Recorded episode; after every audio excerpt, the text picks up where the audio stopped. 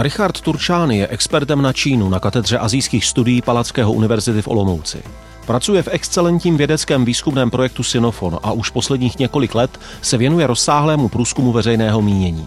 Co si obyvatelé desítek zemí na všech kontinentech myslí o Číně? Jak oni uvažují, s čím si ji spojují? Jednou ze zemí byla i Česká republika. Možná budete překvapení a možná vás něco bude i zlobit. O důvod víc debatovat a diskutovat. Právě teď sedím u stolu s doktorem Richardem Turčánem z katedry azijských studií z projektu Sinofon na Palackého univerzitě v Olomouci. Já přeji dobrý den. Dobrý den. Vy už se dlouho věnujete velkému průzkumu, zjednodušeně řečeno, co si lidi myslí o Číně. Jak už dlouho? Myslím, že je to približne dva roky, čo sme začali pripravovať ten prvý, to prvé dotazníkové šetrenie. To sme potom realizovali v 13 štátoch Európy. Pred rokom sme, približne pred rokom sme získali výsledky. Tie výsledky sme potom analyzovali, postupne publikovali, či už e, v nejakých viac mediálnych výstupoch. Mm, pomaly nám vychádzajú už akademické výstupy. No a momentálne pripravujeme ďalšie dotazníkové šetrenia.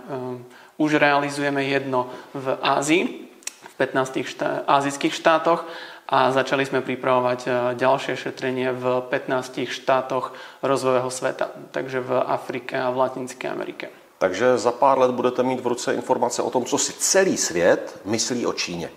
Jako obyvatele. V princípe, v princípe áno, samozrejme nie každý štát, ale vlastne e, ten náš výberový, tá, tá naša výberová vzorka prakticky by mala byť reprezentatívna vo veľkej miere o, o celom svete. Budeme tam mať malé štáty, veľké štáty, rozvojové štáty, rozvinuté štáty, štáty, ktoré sú v tesnom susedstve Číny, štáty, ktoré sú úplne na opačnej strane sveta. Takže dá sa povedať, že budeme vedieť, čo si celý svet myslí o Číne. Máte nějaké zadání, aby z toho ta Čína vyšla hezky? Nebo aby to bylo naopak, jako ať se pěkně bavíme o tom, co, co v té Číně dělají zle a špatně? Zadanie nemáme žiadne, respektíve zadanie je zistiť, čo si ten svet myslí o Číne ale ako dá sa predpokladať, že mnoho štátov má negatívne vnímanie Číny. To je aj výsledok e, z Európy. Ale vlastne tie výsledky sa rozlíšia e, štát od štátu. Takže uh-huh, napríklad uh-huh. v Rusku, v Srbsku je Čína vnímaná naopak veľmi pozitívne Teraz, keď budeme robiť výsledky v Ázii, tak očakávame, že niektoré štáty výjdu veľmi negatívne, niektoré naopak môžu výjsť pozitívnejšie. Sám som veľmi zvedavý na rozvojový svet. Uh-huh, Afrika, uh-huh. Latinská Amerika. Tam, Čína tam hodně investuje, na druhou stranu uh-huh. zabírá větší a větší území i majetky. Áno, ako Existujú určité podobné e, šetrenia, ktoré sú vlastne um, oveľa viac limitované a z nich často vychádza, že Čína je obľúbená v Afrike. Ja som samozrejme veľmi zvedavý, čo vyjde nám. Ten, e, to naše šetrenie je veľmi detailné, takže my nielen, že budeme vedieť, či je Čína vnímaná pozitívne alebo negatívne, ale my sa zameriavame na kopec partikulárnych otázok obchod s Čínou, investície, vplyv na demokraciu, na životné prostredie. E, my sa pýtame ľudí otvorené otázky, čo si myslíte o Číne? Či sa váš obraz o Číny zlepšuje alebo zhoršuje? Ak áno, tak prečo? Takže vlastne ten náš dotazník nám dáva obrovskú kopu vzhľadu a ja, ja teda neviem o tom, že by existoval nejaký takýto podobný výskum, ktorý by nám dával takto rozsiahle a detailné informácie o tom, čo si myslia ľudia po celom svete o Číne. Ještě se zeptám, kdo to platí? Třeba Konfuciánský institut? E, nie, je to platené z, zo zdrojov Európskej únie, e, z projektu OP3V, e, takže to je vlastne European Regional Development Fund, Európske štruktúrálne fondy a naša fakulta a katedra to získala v úplne štandardnej otvorenej súťaži a to je vlastne ten projekt Sinofondné pohraničí a tieto naše dotazníkové šetrenia sú súčasť tohto širšieho projektu. Takže nie sú v tom žiadne iné, okrem, uh-huh. žiadne iné peniaze okrem tohto európskeho projektu. Tak já bych se teď pustil do některých těch výstupů, které mě zajímají. Začnu Českem. Hmm. Já mám dojem, že v Česku Čína nemá úplně nejlepší zvuk. Nie. V Európskej únii Česko vyšlo ako jedno z, jedna z krajín, ktorá má najviac negatívne vnímanie Číny. Nie je to úplne najviac negatívna krajina, tá bola Švédsko mm-hmm. a mhm. potom, ak sa nemýlim, tak e, Veľká Británia, Nemecko, Francúzsko bolo ešte o niečo negatívnejšie, ale dá sa povedať, že Česko je medzi tými najviac negatívnymi. Ale To, čo je zaujímavé v Česku, a to je unikátne, mm, je, že vlastne tu v Česku je vnímanie Číny veľmi polarizované. Uh-huh, um, voliči prezidenta Zemana sú o poznanie pozitívnejší voči Číne, než napríklad voliči opozičného kandidáta. A vidíme to potom aj, čo sa týka voličov politických strán.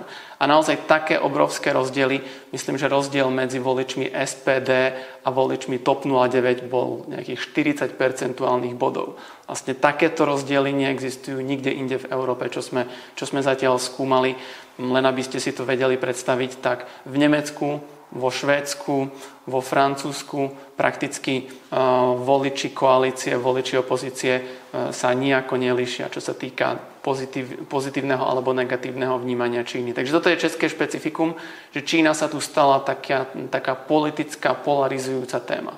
Takže máme to, že máme u nás dva tábory, hodně proti, hodně pro. Ty jsou od sebe velmi vzdálené, ty dva tábory, a jsou polarizované společně e, s politickou polaritou uvnitř naší země my tu nemáme nikoho, kto by bol hodne pro. Uh-huh. Ten tábor, ktorý je hodne proti, v skutočnosti ten je úplne najviac negatívny voči Číne v celej Európe. My keď sme sa pozreli na voličov všetkých politických stran naprieč Európou, tak myslím, že TOP 09 ODS boli úplne najviac negatívni voliči všetkých stran v Európe. Uh-huh. Takže uh-huh. tým, že oni sú takí negatívni, tak tí, ktorí sú vlastne o niečo pozitívnejší, tak vlastne oni nie, že by boli pročínsky, ale už ten rozdiel je veľmi, veľmi uh, viditeľný. Možno by som to mhm. porovnal so situáciou v Lotyšsku. Lotyšsko bola tiež krajina, kde boli uh, pomerne veľké rozdiely medzi ako keby lotyšsky hovoriacimi mm, respondentami a rusky hovoriacimi. Čiže nazvime ich Lotyši a Rusi, aby to mhm. bolo jednoduchšie, ale samozrejme sú to Rusi, to ktorí, sú, ktorí žijú v Lotyšsku. A vlastne tí Lotyši sú oveľa viac negatívnejší voči Číne než Rusi. Áno. Ale už aj tí Lotyši sú prakticky podobní ako tí naši pročínsky. Miernejší. Akože. Áno. Takže tiež sú tam rozdiely, ale tie rozdiely sú niekde úplne inde na tej škále. Takže určite by som nehovoril, že Vlastne tu v Česku nie je prakticky nikto, kto by bol pročínsky. Mm. Ale napriek tomu je to polarizujúce, pretože sú tu proste veľké témy. Teraz hovorím o o respondentoch. Samozrejme, o niektorých politikoch môžeme povedať, že... Pak by se to dalo brát pro, jednoho po druhém. Ano. Zajímavá věc je, a opravte mě, jestli to budu říkat špatně, že některé západní státy, nebo dokonce i Číňaní, nás jako Čechy vnímají, že Byť máme společný příběh, máme společnou komunistickou minulost, my jsme k sobě blízko, my bychom si měli rozumět, my patříme do jedné party. Áno, to, toto je taký diskurs, s ktorým prišla Čína pred približne desiatimi rokmi, keď sa začali rozvíjať diplomatické vzťahy medzi Čínou a strednou a východnou Európou, teda vrátane Českej republiky. A Čína sa to snažila promovať ako, že zase rozvíja vzťahy so štátmi, s ktorými mala, rozprávalo sa o shared past. Mm-hmm. A mhm. tým ako keby Čína myslela to, že aj my sme boli komunistické štáty. Čo samozrejme u nás nie je niečo, čo väčšina ľudí uh, vníma pozitívne. Čemu by sa vyhlásili rádi. A rozhodne nie je niečo, čo by ako keby sme chceli, um, čo by sme vnímali ako pozitívnu uh, nejaký prídavok voči vzťahom Číny. Čiže ja som aj publikoval článok, v ktorom som argumentoval, že paradoxne to, že Čína spomína túto minulosť, tak jej vlastne si tým podkopáva nohy, keď chce nejak, um, alebo chcela sa prezentovať ako kredibilný partner. No ale nie je to len Čína, ako ste spomenuli. V západnej Európe sa tiež roz, rozmohol taký narratív a taká, taká nejaká percepcia toho, že mm, na základe toho rýchleho rozvoja diplomatických vzťahov, že nejako tieto postkomunistické krajiny zase sa uh, keby otáčajú zo, smerom zo západu na východ. Páni. Takže ako keby panovalo a do určitej miery stále panuje také nejaké presvedčenie, že vlastne, že Čína tu zase rozbila Európu a že teraz um, štáty Vyšegrádskej štvorky a proste celkovo stredná východná Európa, že vlastne vymenila Moskvu za, za Peking. A to ako keby uh, nie je pravda ani politicky, ani ekonomicky a naše, naše výsledky ukazujú, že to nie je pravda ani čo sa týka uh, verejnej mienky. Tohle je zajímavé. Já si vzpomínám třeba, eh, když jsem měl rozhovor s Ondřejem Kučerou eh, právě o tom, jak přemýšlet o Číně, tak v té diskuzi pod tím videem bylo hodně eh, vyjádření od těch vyhraněných odpůrců Číny. A tak si v tuto chvíli představuji, jak ti vyhranění odpůrci ještě poslouchají, že nás jako třeba naši různí evropští skoro sousedé nebo prostě spolu Evropané háží do stejného pytle jak se jako rozčilují, že to takhle nebude. Pojďte se trošičku blíž probrat tím, kdo z těch evropských zemí nás jako bere, jako že máme k té Číně blíž. Měl byste nějaký příklad? Ono sa to nedá povedať, že kto, čo sa týka štátov, ale ako keby toto vnímanie mm, začalo byť populárne proste v Bruseli, v Berlíne, v Paríži.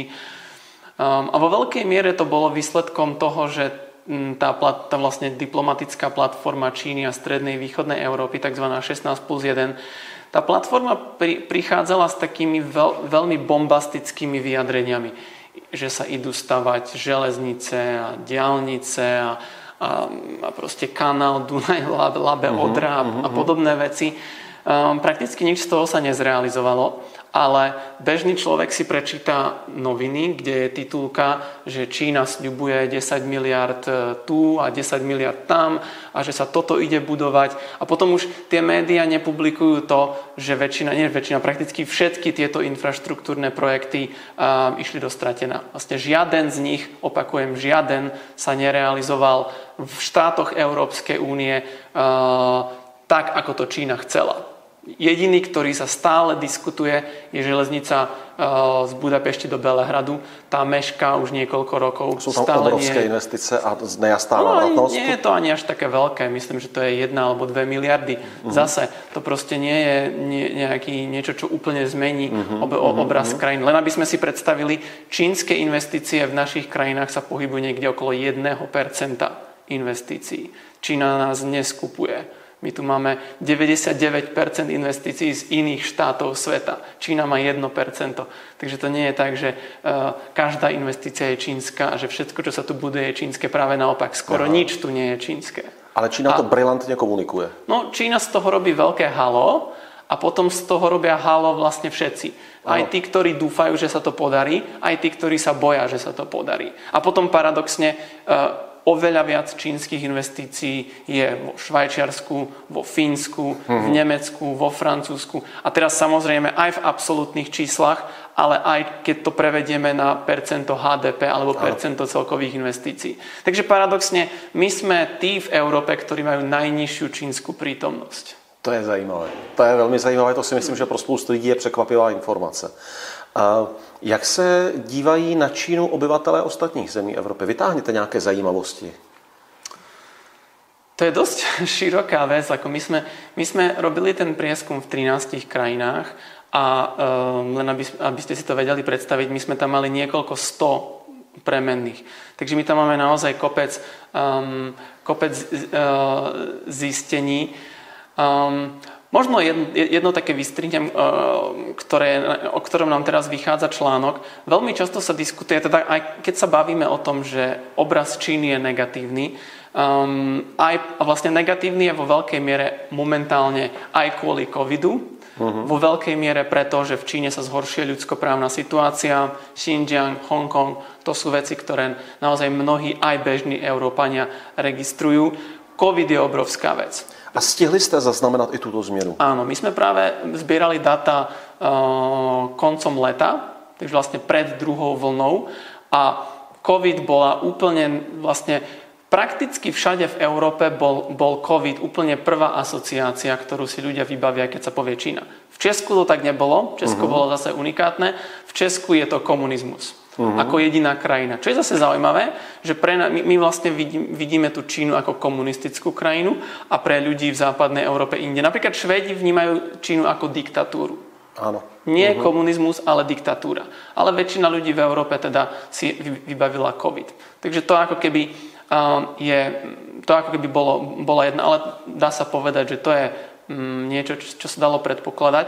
No ale to, čo bolo zaujímavé zistenie je, že s tým covidom Všade v Európe aj vo svete eh, sme sledovali nárast xenofobných, rasistických prístupov voči nielen Číňanom, ale celkovo Aziatom. Uh-huh. No a Často aj u nás sa diskutuje, že vlastne napríklad politici to, disku, e, to, to vyjadrujú, že my sme kritickí a negatívni voči Číne, ale nie voči Číňanom. No a to vlastne náš, e, naše dotazníkové šetrenie ukázalo, že ono to tak úplne nie je. Pretože respondenti, ktorí sú negatívni voči Číne, sú aj negatívnejší voči Číňanom. Uh-huh. A naopak tí, mhm. ktorí sú pozitívnejší voči Číne, sú pozitívnejší aj voči Číňanom. Je to trošku komplexné. Máme k tomu, ako som povedal, článok, ktorý vychádza v časopise Asian Survey, um, takže trochu mu robím uh, takú, také promo, a, ale de facto to takto platí. A platí to aj z druhej strany. Dá sa povedať, že to, že čínska zahraničná politika, čínska diplomácia, čínske ľudské práva um, sa zhoršujú vo, v, vo vnímaní sveta, tak to vlastne stiažuje postavenie Číňanom vo svete. Pretože oni kvôli tejto čínskej politike, čínskej vláde sú vnímaní negatívnejšie, pretože sú samozrejme, alebo samozrejme sú proste vnímaní, že nejakým spôsobom majú niečo spoločné s tou vládou. Ve statistikách, když jsem se díval z hlediska vývoje hospodářství, tak často figurovalo, že Čína je jeden z mála států světa, který i v době covidu zaznamenává růst. Odráží se to nějak v tom obchodním vnímání Číny mezi evropskými zeměmi nebo mezi obyvateli evropských zemí? My sme zbierali data, ako som povedal, koncom leta.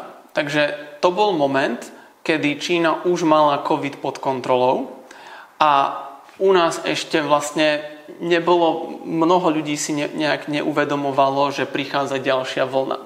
Ale už vtedy sme sa pýtali respondentov, či si myslia, že Čína z vlastne bude ekonomicky profitovať a veľká časť si myslí, že Čína bude ekonomicky profitovať. Mm, čo sa potvrdzuje vlastne. Čo sa potvrdzuje, ale toto je veľmi komplexná vec, pretože mm. Čína mm, závisí na technológiách z rozvinutého sveta, polovodičoch z Ameriky, z Tajvanu a podobne.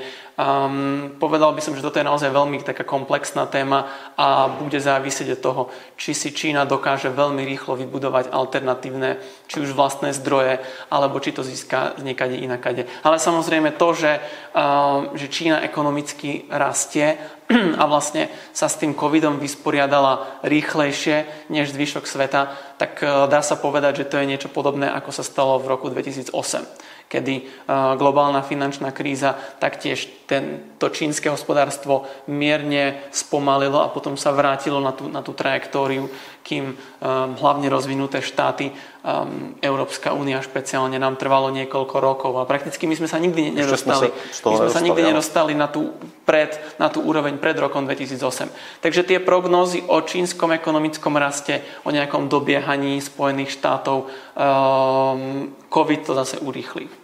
Moc by mě zajímalo vnímání Číny jako znečišťovatele životního prostředí, protože v Číně se velmi rozsáhle implementují opravdu jako zelené technologie, ale zároveň s tím se tam třeba staví i další hmm. uhelné elektrárny. Oni opravdu velmi jakoby čistí, jako jedni z nejaktivnějších států na světě, ale také velmi znečišťují, jako hmm. jedni z největších znečišťovatelů. Jak to vnímají hmm. obyvatelé Evropy?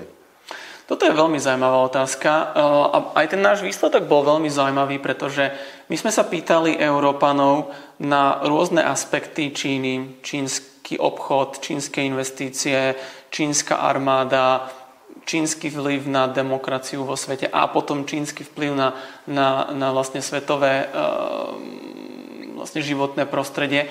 A zo všetkých týchto vecí, bolo ich asi 8 alebo 10, práve ten vplyv na životné prostredie vyšiel najnegatívnejšie. Uh-huh. Čo bolo jedna z vecí, ktoré ma možno trochu prekvapila, pretože možno som čakal, že čínska armáda bude vnímaná negatívnejšie. Uh-huh. Ale ako, ako hovoríte, eh, ten čínsky vplyv na svetové eh, ovzdušie alebo svetové životné prostredie bol vnímaný veľmi negatívne. Eh, momentálne v Ázii sa pýtame viac detailných otázok práve na toto. Um, v štátoch ako v Južnej Koreji napríklad je toto veľká téma, uh-huh. kde uh, vlastne obyvateľia veria, že ich znečistenie je de facto um, presunuté z Číny, takže vlastne um, tvrdia, že Čína je ten znečisťovateľ. Uh, paradoxne toto je trochu, a, my, a, to je, a to je aj to, čo ste sa pýtali, že ako to teda je. Či je Čína problém, alebo je Čína riešenie. No a ono, Čína je oboje. Uh-huh. Čína je samozrejme najväčší znečisťovateľ na svete. a pretože je aj najväčší štát, najrýchlejší štát, pretože my celá Európa, celý rozvojový svet sme si presnuli uh, priemysel do Číny. Ano, ano. Uh, takže áno, Čína je najväčší znečisťovateľ, na druhej strane na obyvateľa to tak nie je. Na obyvateľa Čína stále znečistuje menej než my tu v České republike. Počká, počká. Opravdu méně než my v přepočtu hmm. na jednotlivé obyvatele. My, Česká republika, jsme v přepočtu na obyvatele větší hmm. znečišťovatel než Čína.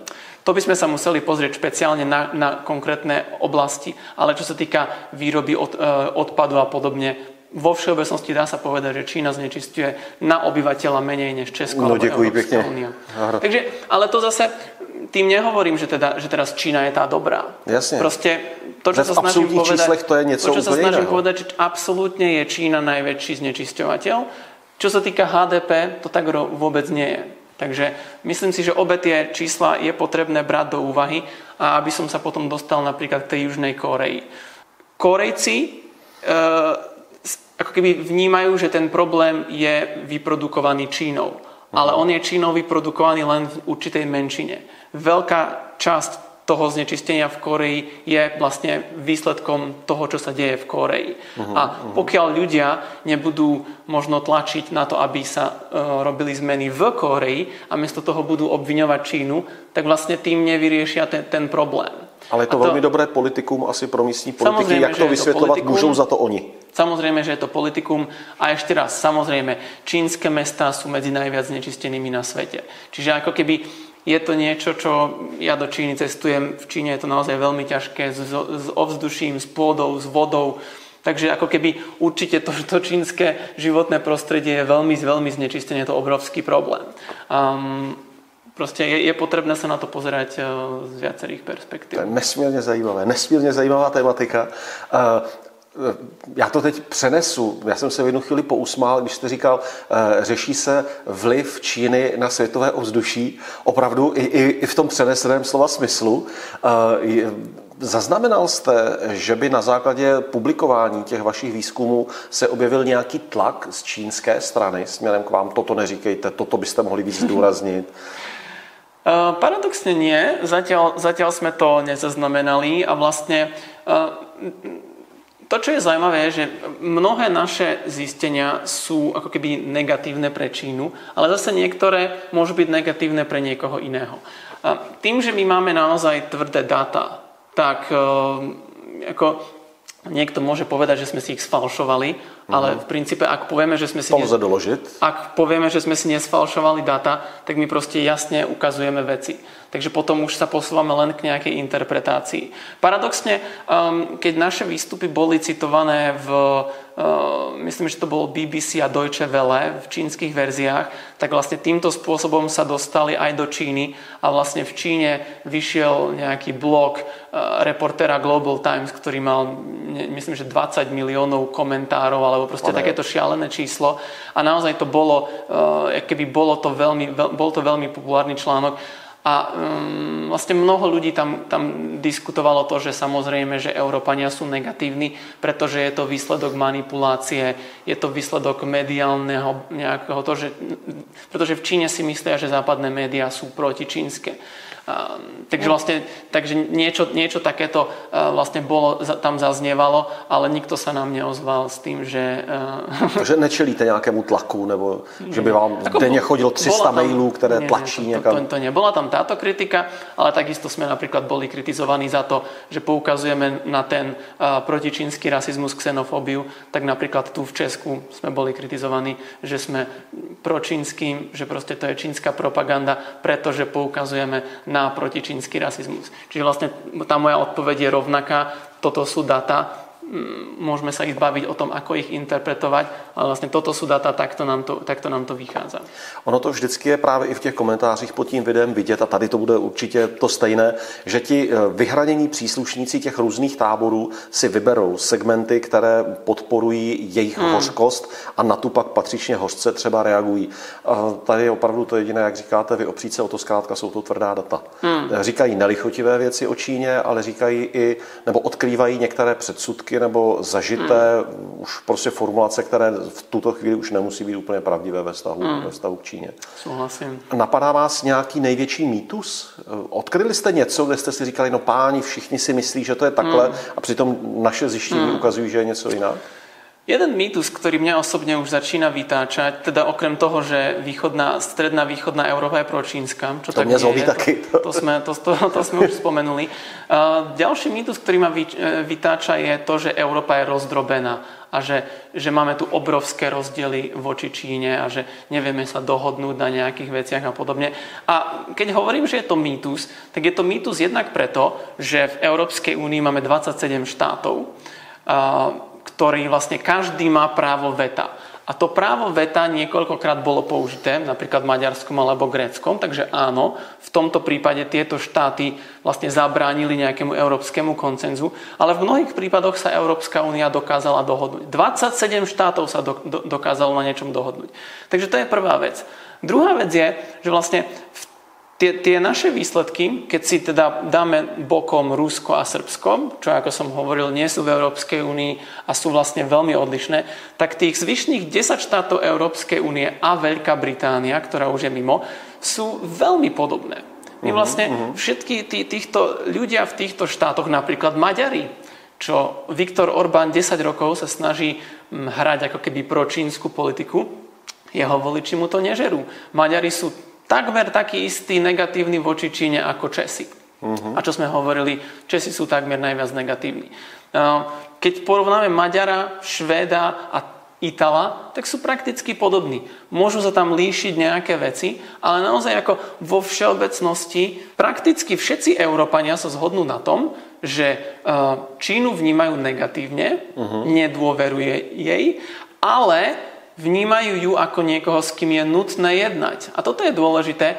Prakticky e, tá hlavná politika, ktorú respondenti doporučovali, nebola nejaká mm, ako keby súperenie geopolitické alebo niečo, ale tá hlavná politika bola, musíme s Čínou spolupracovať pri riešení globálnych otázok. Uh-huh. V zátvorke sme tam uvádzali pandémie, znečistenie.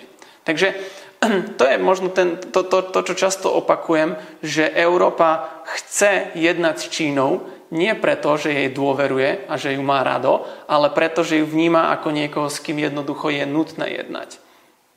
Což mi zní dost rozumne, mm. zkrátka a ešte, a ešte raz, nie sú tam nejaké výrazné rozdiely medzi, medzi tými ľuďmi v tých 11 európskych štátoch. Takže podľa mňa sa príliš často uh, zvýrazňujú nejaké vnútroeurópske rozdiely a podobne, kým čo sa týka Číny, naozaj vo veľmi veľkej miere tu panujú na úrovni verejnej mienky v princípe podobné preferencie.